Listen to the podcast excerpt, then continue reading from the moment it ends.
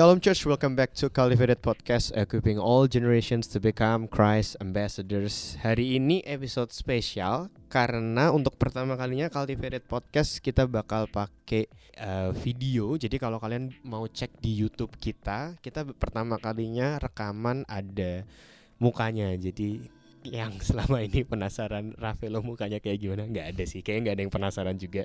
Tapi anyway uh, support kita mudah-mudahan uh, konten ini bisa bermanfaat mungkin next time kita bisa buat yang lebih uh, mantap dan keren lagi gitu Hari ini kita bakal ngobrol bersama Ko Iwan. Shalom Ko Iwan, selamat Shalom, pagi. Hamba Tuhan yang memberkati kita semua. Beberapa kali juga uh, bawain sermon di BIC Melbourne. Apa kabar kok? Baik, senantiasa baik. Senantiasa baik. Eh, uh, kita kenalan dulu yuk kok. Oke, Uh, oke. Ko Iwan. Ya. uh, seorang suami. Seorang suami, Seorang suami. ada cincinnya ini Oh, iya, jelas. iya, iya. Satu istri Ya. dan Oke, saya punya satu istri. Tahun depan kita akan 25 tahun pernikahan. eh, perak. Apa tuh perak ya? Perak Ya, perak, masih emas perak. masih jauh lah ya. Hmm. Anak kita dua, laki-laki, Daniel dan Joseph. Daniel di university, dia tingkat 2 di Melu. Adiknya di grade 8, masih di Ah, tingkat I see. 8. I see, I Itu tentang keluarga saya. Kita udah 23 tahun kita ada di Melbourne. Di Wow. Melbourne. Wah, nggak kerasa ya? Eh, Emang ini kok dulu kuliahnya juga di Enggak. Oh, enggak. Jadi saya dulu sekolah di Trisakti, di Universitas Oh, Trisakti oh. saya teknik industri. Jadi Bachelor of Engineering ya, Oh. Industrial Engineering. Lalu saya sempat kerja di Jakarta dua tahun di PT Astra International di otomotif kalau yang Hmm. tahu ya. Kemudian dari situ Tuhan buka jalan tiba-tiba bukan tiba-tiba saya coba ngelamar kerja eh, diterima oleh PricewaterhouseCoopers di Sydney PwC Sydney. Oh, dulu di Sydney. Saya pertama kali saya dan istri pertama kali kita di sini masuk di Sydney. Tinggal di Sydney saya diterima kerja di PwC sebagai seorang konsultan IT. Hmm. Nggak tahu kalau tahu nggak namanya SAP, SAP. Hmm, Jadi hmm, saya hmm, hmm. karir saya mulai dari SAP consultant Iya, iya, iya. sampai hari ini Mantap. 23 bentar. Berarti 98. 98. 98. Oh. Bulan apa kok berarti? itu? Kerusuhan tuh bulan Mei, ya. Mei. Kita p- pindah ke Australia, diterima pekerjaan bulan November. November 98. Oh. Wih, thanks God banget. Wah, waktu luar itu biasa. kan pasti lagi susah juga kan zaman waktu itu pasti. Tidak terpikir sama sekali makanya Tuhan bisa bawa kita ke Australia. Waktu itu lagi resesi ekonomi Heeh, juga. heeh, heeh. Waktu juga ada cerita lebih panjang jadi kita waktu juga istri juga sedang mengalami anak kita yang pertama dia lagi mengandung Heeh. keguguran di Hmm, bulan hmm, Ok- hmm. September Oktober lah kurang beberapa minggu sebelum kita akhirnya berangkat ke Australia. Tapi Tuhan punya rencana buat kita ya. Tuhan bisa bawa Kapan-kapan boleh nggak kok kita Itu ngobrol tema yang lainnya Tema ya. yang lain ya. Tema Eh, yang lain. Next episode ya kok. Wah, penasaran nih jadi penasaran. Ya. Tapi topik hari ini ini ya kok Hmm. kita kan aku tahu Ko Iwan kan eh, mungkin sekarang bukan full time yang di gereja, Hmm. tapi tetap melayani di gereja, eh, Hmm. tapi juga eh, dalam tanda kutip melayani di marketplace alias Iya, kerjanya juga tetap eh, full time di marketplace gitu. iya. Kita mau ngobrolin tentang gimana bagi waktu, gimana kok bisa terpanggil juga. Biasanya kan kalau Hmm. orang udah ada di marketplace, udah ada gaji yang cukup kan waktu diminta pelayanan kayak ah ntar dulu deh, ntar dulu deh. Nah, nanti kita ngobrol-ngobrol ke arah situ boleh ya Oke. kok. Kita sharing-sharing aja. Ya, that's Sharing-sharing okay. aja nih. Eh kita start aku pengen denger tadi dong kok tadi sharingnya Koko eh, Mm-mm.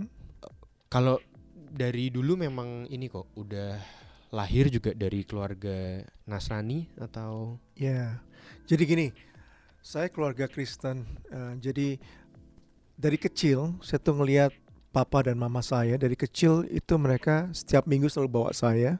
Ya waktu bayi saya nggak bisa ngerasain, tapi waktu Hmm. saya dibawa ke Sunday School gitu loh. Sunday school? Dan saya ngelihat papi saya itu apa ya pelayan Tuhan memang. Dia sekali lagi dia kerja di pemerintah, dia kerja di pemerintah, tapi dia juga punya double job sebagai kerja sebagai karyawan di Departemen Pekerjaan Umum, tapi dia juga sebagai mengajar di universitas supaya Hmm. kita bisa survive lah keluarga. Tapi yang saya lihat dari papi saya adalah dia nggak tahu dia punya komitmen pelayanan waktu itu dia, eh, sampai hari ini papi masih bergereja di di gereja di Jakarta melayani Tuhan. ya sebagai majelis, sebagai diaken gitu loh. Hmm, hmm, Dan mami juga mereka berdua sebagai di paduan suara di kur. Hmm.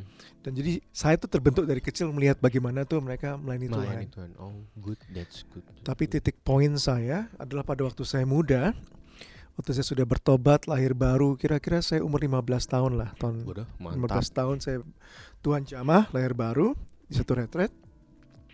Kemudian saya mulai mengikuti kebaktian gitu ya. Lalu saya punya bukan apa ya, bukan idola sih, tapi saya tuh senang gitu ngelihat sosok seorang ini gitu. Namanya adalah Johan Handoyo. Hmm. Jadi dia saya kenal Pak Johan waktu sejak saya mulai masuk di, melayani di Betani. Waktu itu saya itu Betani Jakarta saya ikut dalam pelayanan di Present Worship Team ya. Dan Pak Johan waktu itu pemimpin kita.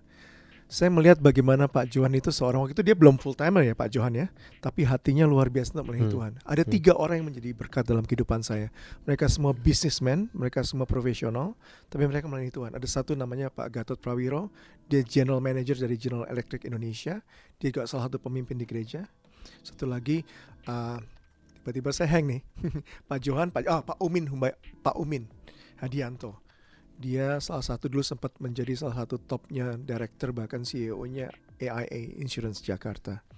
Anyway, mereka semua businessmen ya di, di marketplace tapi mereka mengasihi Tuhan dan melayani Tuhan Hmm. luar biasa. Amin. Itu membentuk hati sejak dari masih Ya. muda.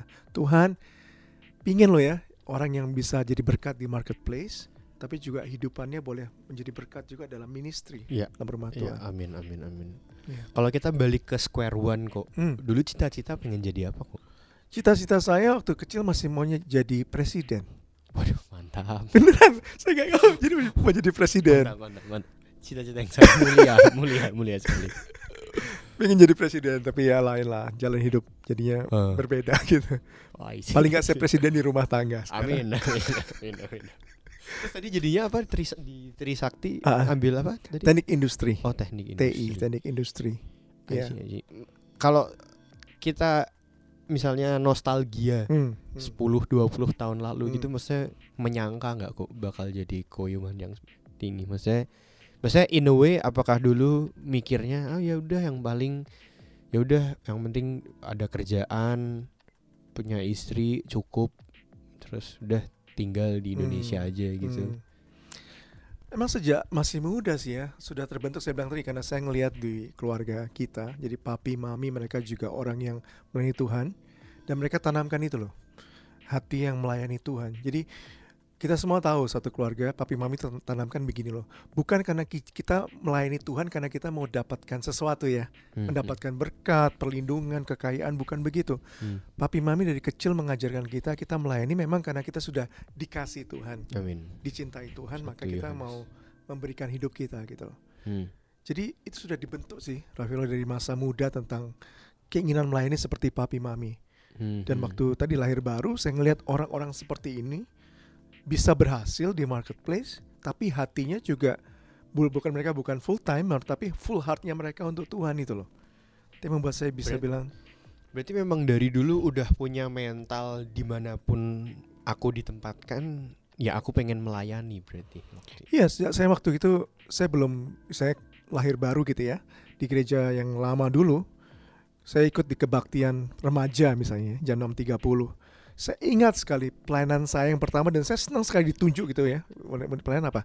Ngatur bangku gereja. Hmm, Waktu datang tugas saya cuma bantuin tim perlengkapan misalnya, tim Hmm. perlengkapan hmm. nyusun bangku-bangku gereja.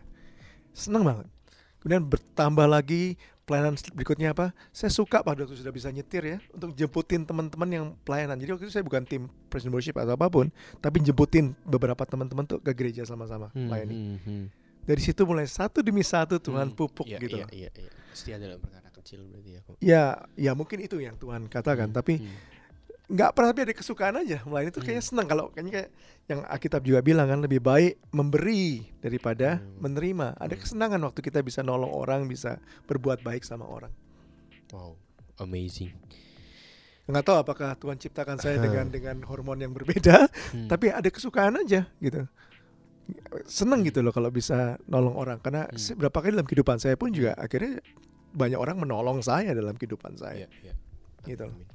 Kok uh, Hmm. either either eh, pendeta atau bukan pendeta lah, pelayan yang misalnya full time di gereja Hmm. ataupun yang nggak full time eh, tapi eh, melayani di gereja gitu ya kok. Ya. Tapi maksudnya apa sih kok kira-kira hal-hal yang perlu kita consider sebelum apa tuh istilahnya Da- Hmm. bukan double job ya, cuman Hmm. misalnya kalau Hmm. kita full time terus mau punya bisnis kecil-kecilan itu kan berarti harus ada hal yang kita consider Hmm. atau kebalikannya kalau kita full time-nya di marketplace tapi mau melayani misalnya seperti koiwan Hmm. gitu apa sih kok yang perlu di consider gitu kok Mungkin kan begini. waktu kan pasti Iya pasti. fisik kan pasti capek tuh Iya. capek kan pasti nomor Komitmen satu ya. Komitmen. Prioritas, komitmen, waktu. Benar. itu apa kok yang bisa di sharing ke kita Sebelum ke situ dulu ya ingat saya kalau saya tiba-tiba ke mana-mana gitu Hmm. jawabnya. ya. Saya tiba-tiba ingat kurang lebih tadi kan 23 tahun saya di sini ya. Mungkin 20 tahun yang lalu. Hmm. Jadi tiga tahun setelah saya pindah ke Melbourne, saya ingat sekali waktu itu gereja ini, gereja kita tuh punya sekretariat di Malvern, sekretariat di Hmm. Malvern. Uh, waktu itu saya dari Sydney ditugaskan kerja di Melbourne. Nah sejak itulah saya mulai aktif dan bisa join dengan dengan Bethany Hmm. Melbourne. Waktu itu oh Pak tapi Johan, kerja itu masih di marketplace as in ya oh iya iya Oh, tetap tetap oke. saya. Uh, satu saat di mana saya ngalamin tekanan stres berat dalam pekerjaan. Hmm. Pertama ya karena background saya saya nggak pernah kuliah di luar negeri, Hmm. saya nggak pernah tinggal di luar negeri. Hmm. ya tiba-tiba harus kerja sebagai seorang konsultan ya stres sekali tekanan. Sampai saya kayak mau pulang rasanya gitu loh. Nanti session lain saya bisa bicara soal yang tadi kita bicara itu ya. Sa- saat saya ngadep Pak Johan karena Pak Johan lagi tugas pelayanan ke sini saya ngomong sama dia. Tahu nggak omongan saya bilang apa? Pak Johan kok saya capek. terpanggil bukan nggak Oh. bilang terpanggil untuk menjadi full timer jadi saya tutupin masalah saya yang stres dengan pekerjaan dengan bilang saya sepertinya terpanggil untuk jadi full timer full timer loh ya dan Pak Johan waktu itu saya ingat sekali 20 tahun lalu dia, dia beliau tuh jawabnya bijaksana sekali ada tiga jawaban Tuhan ya ya tidak atau tunggu dulu tunggu dulu ya dan pada waktu saya ingat beliau katakan tunggu dulu Iwan berdoa sungguh-sungguh apakah ini benar kehendak Tuhan atau tidak Hmm. jadi maksud saya gini, jawaban beliau pada waktu itu membuat saya akhirnya, ya oke, saya nggak mau dengan emosional Ah. hanya karena ada masalah dalam pekerjaan Ya, ya. sebagai pelarian. wah mantap itu Dengan saya pelarian. Iya. Gini loh, karena ada orang yang memang dipanggil Tuhan, memang dia panggilan callingnya gitu loh, Hmm. sebagai seorang hamba Tuhan. Hmm. Saya memang udah dapat pengalaman dengan orang tua yang baik, yang saya bisa lihat modelnya. Tapi baru setelah saya lahir baru setelah perjalanan hidup saya begitu ya, sampai saya kayaknya punya keinginan Tuhan indah ya. Kalau saya bisa tetap bekerja di marketplace, tapi saya juga punya Hmm. kontribusi Hmm. terhadap rumah Tuhan.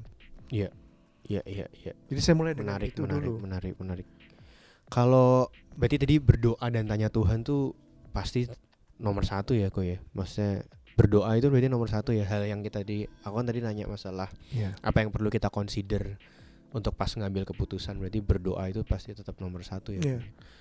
Kalau bagi waktu kok gimana kok? Soal membagi waktu antara ya pertama kan uh, keluarga rumah tangga gini lah. Yang saya punya prinsip dalam hidup. Ini saya katakan prinsip dulu ya sebelum, sebelum ada saya belajar dari Godly Man. Kita punya program gereja kita beberapa tahun yang lalu Godly Man. Itu ada beberapa pri- prioritas dan saya pegang prioritas dalam hidup saya. Pertama adalah prioritas pertama dalam hidup saya itu selalu adalah Tuhan. Tuhan. Pasti hubungan saya pribadi dengan Tuhan itu yang Hmm. utama. Ya. Kedua apa? Karena saya sebagai seorang suami Hmm. dan serang bapak dengan dua anak, maka keluarga prioritas saya yang kedua. Hmm. Yang ketiga, prioritas saya pekerjaan. Hmm. Karena Tuhan kasih tiga mulut istilahnya ya Hmm. untuk saya pelihara. Hmm. Ya, Tuhan kasih saya sebagai apa ya, the breadwinner gitu lah, untuk the source income untuk keluarga, untuk Hmm. istri dan anak saya. Baru yang keempat adalah pelayanan atau ministry. Hmm. Itu selalu prioritas yang sampai hari ini saya ada. Karena begitu di- itu di, di, di, di apa ya, diacak-acak atau dikacaukan, Hmm. itu sepertinya nggak jalan. Hmm. dan bukan nggak sepertinya itu tidak akan jalan gitu loh itu prioritas saya jadi Iya, ministry kalau saya bisa soal waktu maka waktu yang saya mau kasih itulah prioritas saya kira-kira seperti itu Berarti it's okay to say no kok to some extent. yes of course Ini Iya. kita kan bangsa Indonesia kan gak, nggak enakan. enakan Sungkan ya kok ya. sungkan sungkan Ha. Tapi ya belajar dari experience juga berarti ya kok ya. Maksudnya eh, kadang ada momen di mana we have to say no and sort of stuff. Iya, benar, benar. Sekali lagi, pelayanan itu bukan pelarian gitu loh. Iya. Pelayanan itu bukan aktualisasi diri. Hmm. Bukannya tahu ya, Hmm. di mana kita mau cari satu aktualisasi. Memang pelayanan itu, ministry itu baik sebagai tubuh Kristus kan? Karena kita tahu gift kita apa. Hmm. Kalau dari waktu itu, sekarang saya ada sebagaimana saya ada, karena ada prosesnya Tuhan dalam kehidupan saya, pembentukan Tuhan gitu loh. Amin. Dan saya mau berjalan dalam Itu. pembentukannya Tuhan. Ya, ya, ya. Dari mana you know that you have calling, you have a destiny misalnya, Hmm. ya kan? Amin, amin. Jadi itu yang menarik. saya saya coba lakukan lah, Ya, step by step, one step at a time. Ada lagu lama, one Ya. step at a time Ya, with ya. Jesus. Aku tadi tertarik Hmm. kok waktu Koko sharing menghadap Om Johan Hmm. terus eh, minta eh, full time gitu. Nggak tahu ya, mungkin kalau Hmm, orang hmm, kegabah kan mungkin, "Wih, bagus bagus bagus, Hmm, ayo sini" gitu. hmm, Tapi Om hmm. Johan mintanya kayak sabar dulu, Yes. misalnya kayak doain dulu dan lain-lain. Terus aku em, pernah dapat omongan kayak gini. Hmm. bukan berarti kita malah jadi mengecilkan yang full time di gereja ya, tapi Hmm. pernah dapat omongan dari orang full time di gereja nih ngomong kayak gini justru. Justru kalau lu eh apa di marketplace dalam tanda kutip ya, sebenarnya jiwa yang lu jangkau tuh sebenarnya bisa jauh lebih banyak gitu karena Hmm. kalau kalau kita preaching dari mimbar kan kadang-kadang apa ya eh, reach the unreachable. iya gitu ya, reach iya iya the iya, unreachable. iya. ya. kalau Ya. yang yang di marketplace kan Iya. bisa gitu kan reach the unreachable gitu Hmm. saya setuju nggak kok Oh setuju banget. Tapi begini ya, Tuhan juga bilang kan waktu dia bentuk apa Hmm. suku-suku Israel kan 12 Hmm. suku Israel. Ada satu suku yang dikhususkan sama Tuhan. hmm, hmm. Betul kan? Suku Hmm. Lewi. ya wi ya ada Tuhan punya panggilan khusus buat Untuk suku itu Lewi. Hmm. untuk melayani Tuhan. Dan dibilang dia nggak dapat milik pusaka. Hmm. Sebelas suku yang lain dapat Dapat. milik pusaka, betul Iya. kan? Heeh. Tapi saudara-saudara yang sebelas suku ini harus support ke suku Lewi ini. Tapi suku Lewi didedikasikan hidupnya untuk pelayanan Tuhan. Jadi ada beberapa orang yang memang Ya. punya panggilan khusus dan kita nggak bisa nyangkal. Ya, ya. Ya. Tapi Ya. juga ada suku-suku lain tadi yang sama-sama yang Tuhan panggil juga untuk melayani Tuhan gitu loh. Ya. Saya rasa batasannya itu sih bukan masih Iya, um, iya. memang benar. Jadi Hmm, kita hmm. yang orang dari marketplace ya itu punya kesempatan lebih untuk menjangkau Iya, mereka ibaratnya. yang tidak Iya. dalam istilah Iya. dalam gedung empat tembok Iya. gereja ini itu maksud kamu begitu kan? Iya. Iya, kita punya kesempatan banyak. Hmm. Iya. Dan uh, one of my favorite verse Hmm. Kolose 323 ya. Hmm. Apa pun yang kita kerjakan kita kerjakan untuk kemuliaan nama Tuhan. Hmm. Maksudnya gimana sih kok itu? Ya, di marketplace ya, apalagi sebagai pelayan Tuhan ya. Cara kita untuk apa ya, sama-sama mengabarkan kabar baik. Ya, the great commission, ya kan? Apa yang Tuhan bilang, pergi beritakanlah Injil jadikanlah semua bangsa muridku itu. Bagaimana secara kontekstual kita lakukan itu kan? Saya mungkin bukan punya tipe orang yang penginjil yang bisa langsung ketemu orang Deng. beritakan Injil deng gitu ya enggak ya. Tapi dengan marketplace tadi, saya punya banyak pengalaman dan cerita bagaimana saya punya akses untuk bicara tentang Tuhan kepada orang-orang yang skeptik, kepada Sharing dong kepada orang ada yang oh ini jadi kita mau ke mana tema banyak pengalaman, Banyak banyak, ya? sekali Rafaelo, banyak kan. Ya, dalam bicara soal marketplace banyak sekali kesempatan untuk bisa bicara tentang Tuhan. Nah, tahun lalu saya dapat kesempatan ngerjain project di Singapura juga kan. Ada waktu di mana satu saat di mana kita lagi makan siang gitu ya. Saya bicara dengan salah satu rekan ya. Ya, dari dari obrolan itulah akhirnya dia membuka hati dan akhirnya dia berkata dulu dia seorang yang kenal Tuhan lah ber, ber- apa Katolik ya. Tapi dia meninggalkan Tuhan Hmm, hmm, dan dia ngalamin masalah dengan rumah tangganya. Situ kita bisa masuk hmm. dan puji Tuhan sekarang dia mulai kembali lagi Hmm, untuk amin, bergereja. amin, amin, itu baru satu contoh artinya Hmm. banyak kesempatan orang itu nggak tadi orang itu nggak pernah ke gereja gimana Hmm. kita bisa Iya, reach iya, mereka. iya, iya, iya, iya. dan Tuhan panggil orang-orang kita yang ada di marketplace ini untuk juga menjadi saksi jadi berkat Hmm. untuk orang-orang seperti itu gitu. Ya amin amin amin. Boro-boro live streaming nggak mungkin mencet juga ya kok berarti ya kok. Ya? even last night ya tapi last night itu lain lagi saya agak lain tapi kita nggak bisa soal marketplace cuma cuma di kantor tapi Hmm. di mana pun Tuhan tempatkan Di mana-mana. kita kita jadi berkat gitu. Iya. Student pun Well, last night tuh saya malam tadi malam nih sorry ya, anak saya tuh main basketball. Ya, tiba-tiba ada seorang ibu dari anak yang satu lagi timnya anak saya ngobrol-ngobrol, bicara soal lebih kan tadi malam cukup, cukup lama sih jam 8.30 kita tanding basketballnya. Lebih baiklah anak saya tanding basketball daripada di rumah gadgeting katanya dia. Dia bilang, oh ya bener juga. Saya bilang karena kemarin di saya bilang di sel grup kita, sorry ya saya orang Kristen saya bilang. Sorry kalau saya nggak tahu anda, tapi di sel grup kita kita membahas soal tadi tentang teknologi, uh, addiction, saya bilang gitu. Oh, I'm also Christian. Oh, saya kaget karena saya tahu saya ketemu, saya kenal sama suami dia itu orang Iran. Sorry, tapi namanya tuh udah nama udah paling tinggi dengan inisial M. Hmm. Jadi saya tahu dia pasti mereka orang udah Hmm. dari Iran, Hmm. inisialnya M pasti Hmm. mereka dari Hmm. sahabat kita gitu ya. Hmm. Hmm. Saya? Hmm. Malam enggak, saya orang Kristen. Ternyata. Oh iya, I'm so surprised. Yes, but I used to go to church, Hmm. but I never been to church again. Hmm. Hmm. Hmm. Singkat kata tadi malam kita ngomong-ngomong dia bilang, tolong kasih tahu saya gereja dong. Hmm. Saya mau Hmm. ke, ke gereja. Wih, eh, merinding kok. Makanya tadi pagi saya jam Merinding 6 kok. saat teduh saya kasih ke istri saya karena dia kan wanita ibu istri saya Hmm. kenal. Hmm. Tolong teks ke dia gereja-gereja mana yang dia bisa datang. Iya, Baru tadi malam terjadi. iya, iya. Seolah mengingatkan kita nggak ada yang kebetulan Iya. gitu ya. Yes, that's right. Eh, Iya. meri- bagus bagus. Kalau saya hanya di gereja, terus misalnya ada acara doa, Hmm, nggak hmm. salah loh ada doa, ada ada acara apa drama, ada acara and worship, kita nggak pernah keluar juga untuk menjangkau Hmm. mereka. Iya, iya, iya.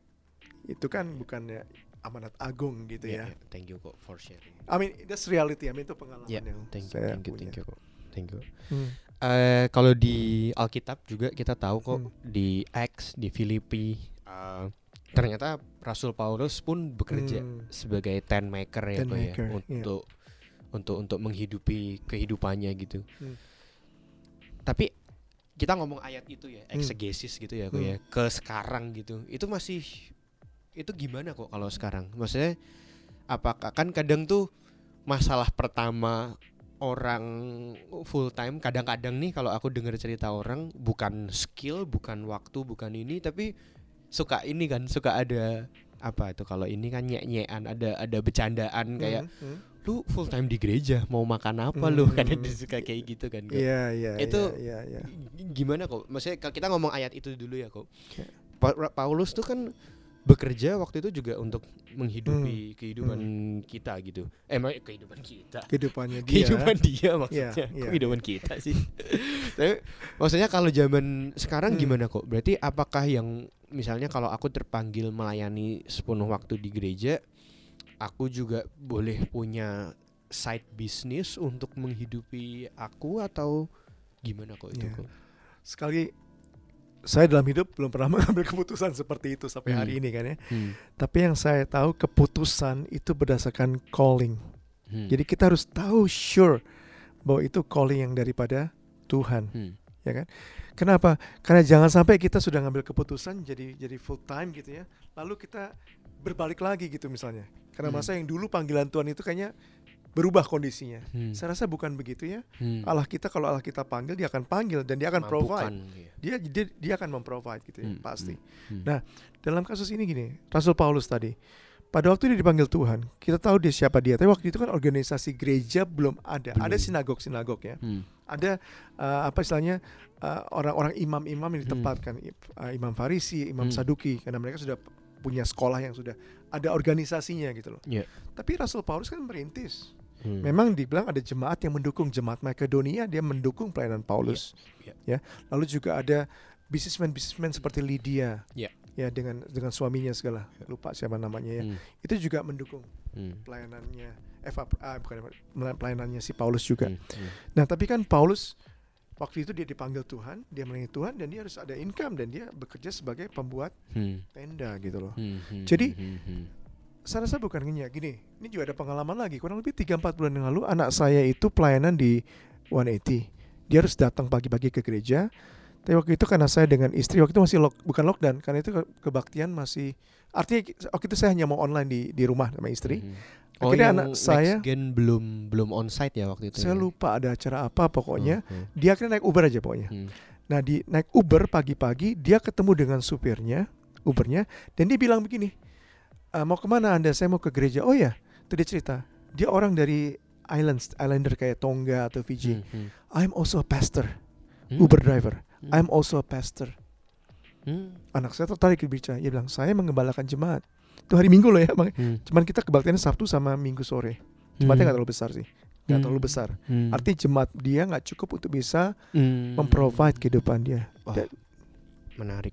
dan dia kan Iya, jadi iya, super iya. jadi Uber driver. Ya ya ya. Tetap tetap ada konteks-konteks tertentu lah ya kok. Maksudnya nggak tahu tadi aku nangkepnya dari Koko mungkin kalau motivasinya punya side business untuk memperkaya dan untuk kesenangan pribadi ya mungkin mungkin apakah itu jadi kurang bijak juga ya mungkin ya Yang ya? kita harus hati-hati adalah conflict of interest. yes harus conflict makanya of butuh interest. wisdom tadi ya kok ya Iya.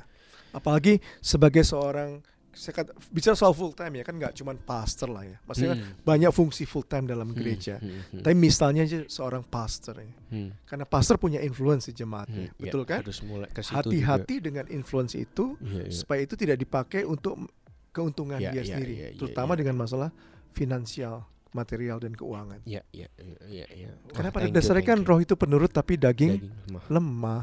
Iya, iya, iya. Wah, thank you kok. Menarik, menarik, menarik. Eh, Saya minum kopi dulu boleh siap, ya? siap, siap kok. Wah, thank Ya. you kok. Eh, jadi, jadi iya sih, jadi belajar juga. Eh, balik lagi ke sikap hati dan ke motivasi tadi ya, kok. ya. Iya. Eh, mungkin ada sedikit kok eh, yang bisa Koko sharing ke kita gitu tentang tentang eh, apa bekerja di marketplace tapi juga sambil melayani gitu kok mungkin ada sedikit yang Iya. anything that you wanna share to us Sekali lagi buat saya ini kayak prinsip ya, prinsip hidup lagi gitu. Karena firman Tuhan juga berkata bahwa setiap kita ini akan satu saat akan masuk dalam penghakiman, Hmm. dalam tahta pengadilan Kristus. Hmm. Dan Tuhan mengatakan bahwa kita akan dihakimi berdasarkan apa yang kita lakukan Hmm. dalam dunia ini. Hmm. Bukan untuk mendapatkan keselamatan, betul kan? Hmm, betul. Saya tahu semua karya keselamatan sudah dikerjakan Kristus. Kristus. Ya. Hmm. Tetapi dalam dasar keselamatan yang Tuhan berikan, kapan lagi waktunya kita untuk berkarya dan bekerja untuk kerajaan Tuhan? Kapan lagi coba? ini ya ada lagunya ya kok Apa hidup, ini adalah Ada kesempatan. kesempatan. Tapi itu kan realita kita kan? Iya. Coba coba coba Rafael bayangkan bahwa kita diselamatin sama Tuhan, udahlah kita pasti selamat. Lalu kita nggak ngapa-ngapain, kita berbuat seenaknya. sayang Itu maksudnya. Apakah kita akan berguna atau kita tidak tidak saya rasa bukan itu keselamatan. Kalau Tuhan sudah kasih kita keselamatan yang penuh, maka hidup kita pun Tuhan rindu menjadi berkat bagi orang lain. Hmm, Menjadi berkat untuk orang lain dengan banyak cara ya. hmm, Ya, tidak harus melayani di gereja gitu loh, tidak harus Hmm. gitu ya. Kalau kalau kita pernah baca tentang sejarah Susana Wesley, ibu daripada John and Charles Wesley, seorang dua hamba Tuhan besar. Dia pendoa syafaat buat anak-anaknya. Dia nggak pernah ditam- saya nggak saya nggak tahu apakah dia pernah tampil di mimbar, tapi buku sejarah biografi mencatat bagi seorang ibu yang berdoa buat anak-anaknya. Bukankah itu pelayanan? Bukankah hasilnya kedua anaknya menjadi dua orang hamba Tuhan yang luar biasa dipakai di generasinya? So- Ya. soalnya kadang ada yang mikir ah yang gua lakuin kayaknya hal kecil doang padahal nggak ada yang kecil di mata Tuhan ya kok ya besar kecil ukurannya apa ya? Maksudnya kan gitu kan. Eh, Tuhan akhirnya menilik hati kan, ya. Semua yang kita persembahkan sama Tuhan pada akhirnya walaupun kecil, ya Tuhan bilang, kalau kamu punya iman sebesar biji sesawi saja kamu bisa memindahkan gunung. Seringkali manusia punya standar yang glamour, yang besar, yang wah, yang punya impact.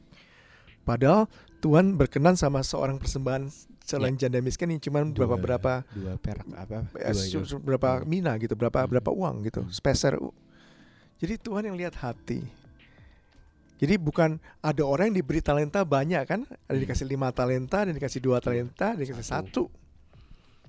Jadi saya hanya bilang gitu, hidup ini adalah kesempatan, tidak ada lagi. Hidup ini dipersembahkan, diberikan untuk yang terbaik buat Tuhan. Dengan Hmm. sikap hati yang murni, Hmm. waktu kita melayani pun bukan dengan dengan apa ya, dengan grumbling, dengan dengan ah sebagai tugas Hmm. saya mengencourage kita semua juga layani dengan sukacita, dengan kasih. Hmm. Dan terlebih dahulu harus menyadari bahwa kita dikasihi terlebih dahulu ya kok. Makanya kita harus uh, Ya. melayani. Jangan kita melayani karena kita iming-iming ada udang di balik rempeyek, gitu loh maksudku.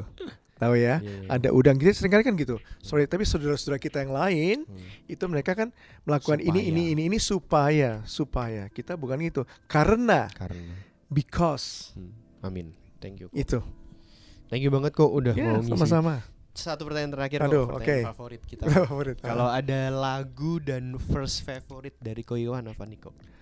Kalau lagu Aduh, Banyak. sebenarnya bukan ada satu lagu itu sampai saya pernah bilang Tuhan kalau suatu saat saya bisa ketemu Tuhan saya mau nyanyi lagu ini.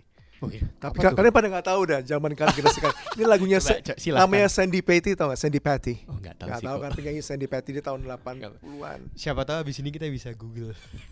apa tuh kok? Judulnya apa tuh kok? Judulnya jauh gue nggak tahu gitu. Cuman eh, oke ada dua lagu sih. Lagu Sandy Patty ini lebih ke arah kalau aku bertemu dengan Tuhan. When I think about my life on earth and how I serve the King, I will share my apa ya, my thought to you and let you know why uh, for what I'm seeing kenapa aku menyanyi. Lalu aku dan itu lagu itu bicara soal bagaimana he reached down to me and saved my life. Amin. I will praise him as long as I live. Amin. Jadi lagu itu bicara soal waktu aku ketemu Tuhan aku ini my my my thankfulness. Iya, iya. Satu satu lagi lagu, lagu pertobatan saya juga. Tapi sekali lagu pertobatan ini kalian nggak tahu gitu. Itu 15 tahun Jadi jangan mencoba menebak jangan- umur. itu lagu udah private soalnya gitu. Ya, Tuhan kasih bukan lagu yang populer gitu. First, first. Kalau first, Aduh, kebanyakan verse.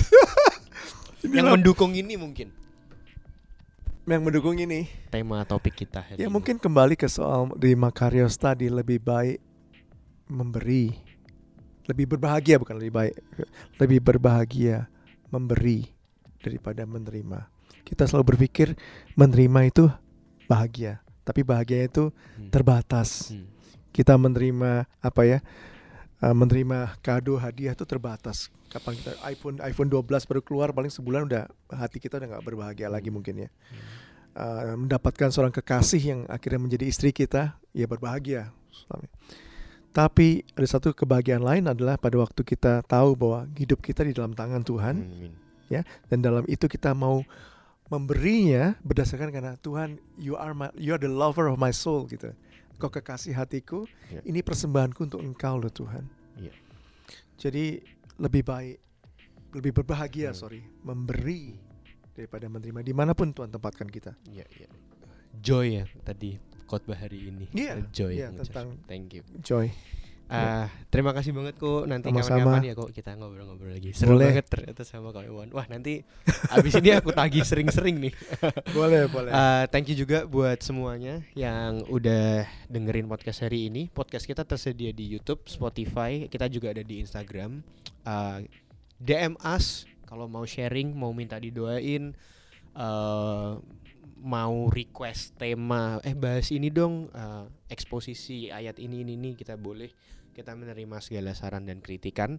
Uh, jangan lupa lihat kita di YouTube ya. Episode ini ada videonya untuk pertama kali. Gitu aja sih. Ah, thank you sekali lagi ya buat Kak Iwan. God bless. Nanti kita kapan Yep. ngobrol lagi. Ah, share dan share aja lah yang paling penting. share ke teman-teman kalian kalau kalian kira podcast ini memberkati karena ah, aku percaya ah, penginjilan sekarang med- medianya bisa macam-macam ya kok. Betul. Bisa one click away Hmm. buat teman-teman kalian siapa tahu ada yang butuh dikuatkan dan butuh um, sharing-sharing kayak gini siapa tahu bisa membantu yang lain Uh, thank you gitu aja I'll see you in the next episode bye bye thank you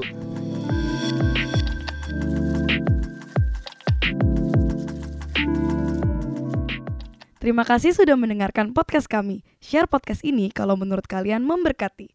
Cultivated Podcast tersedia di Spotify dan YouTube dan kalian bisa cek juga Instagram kita di cultivated.podcast. Terima kasih.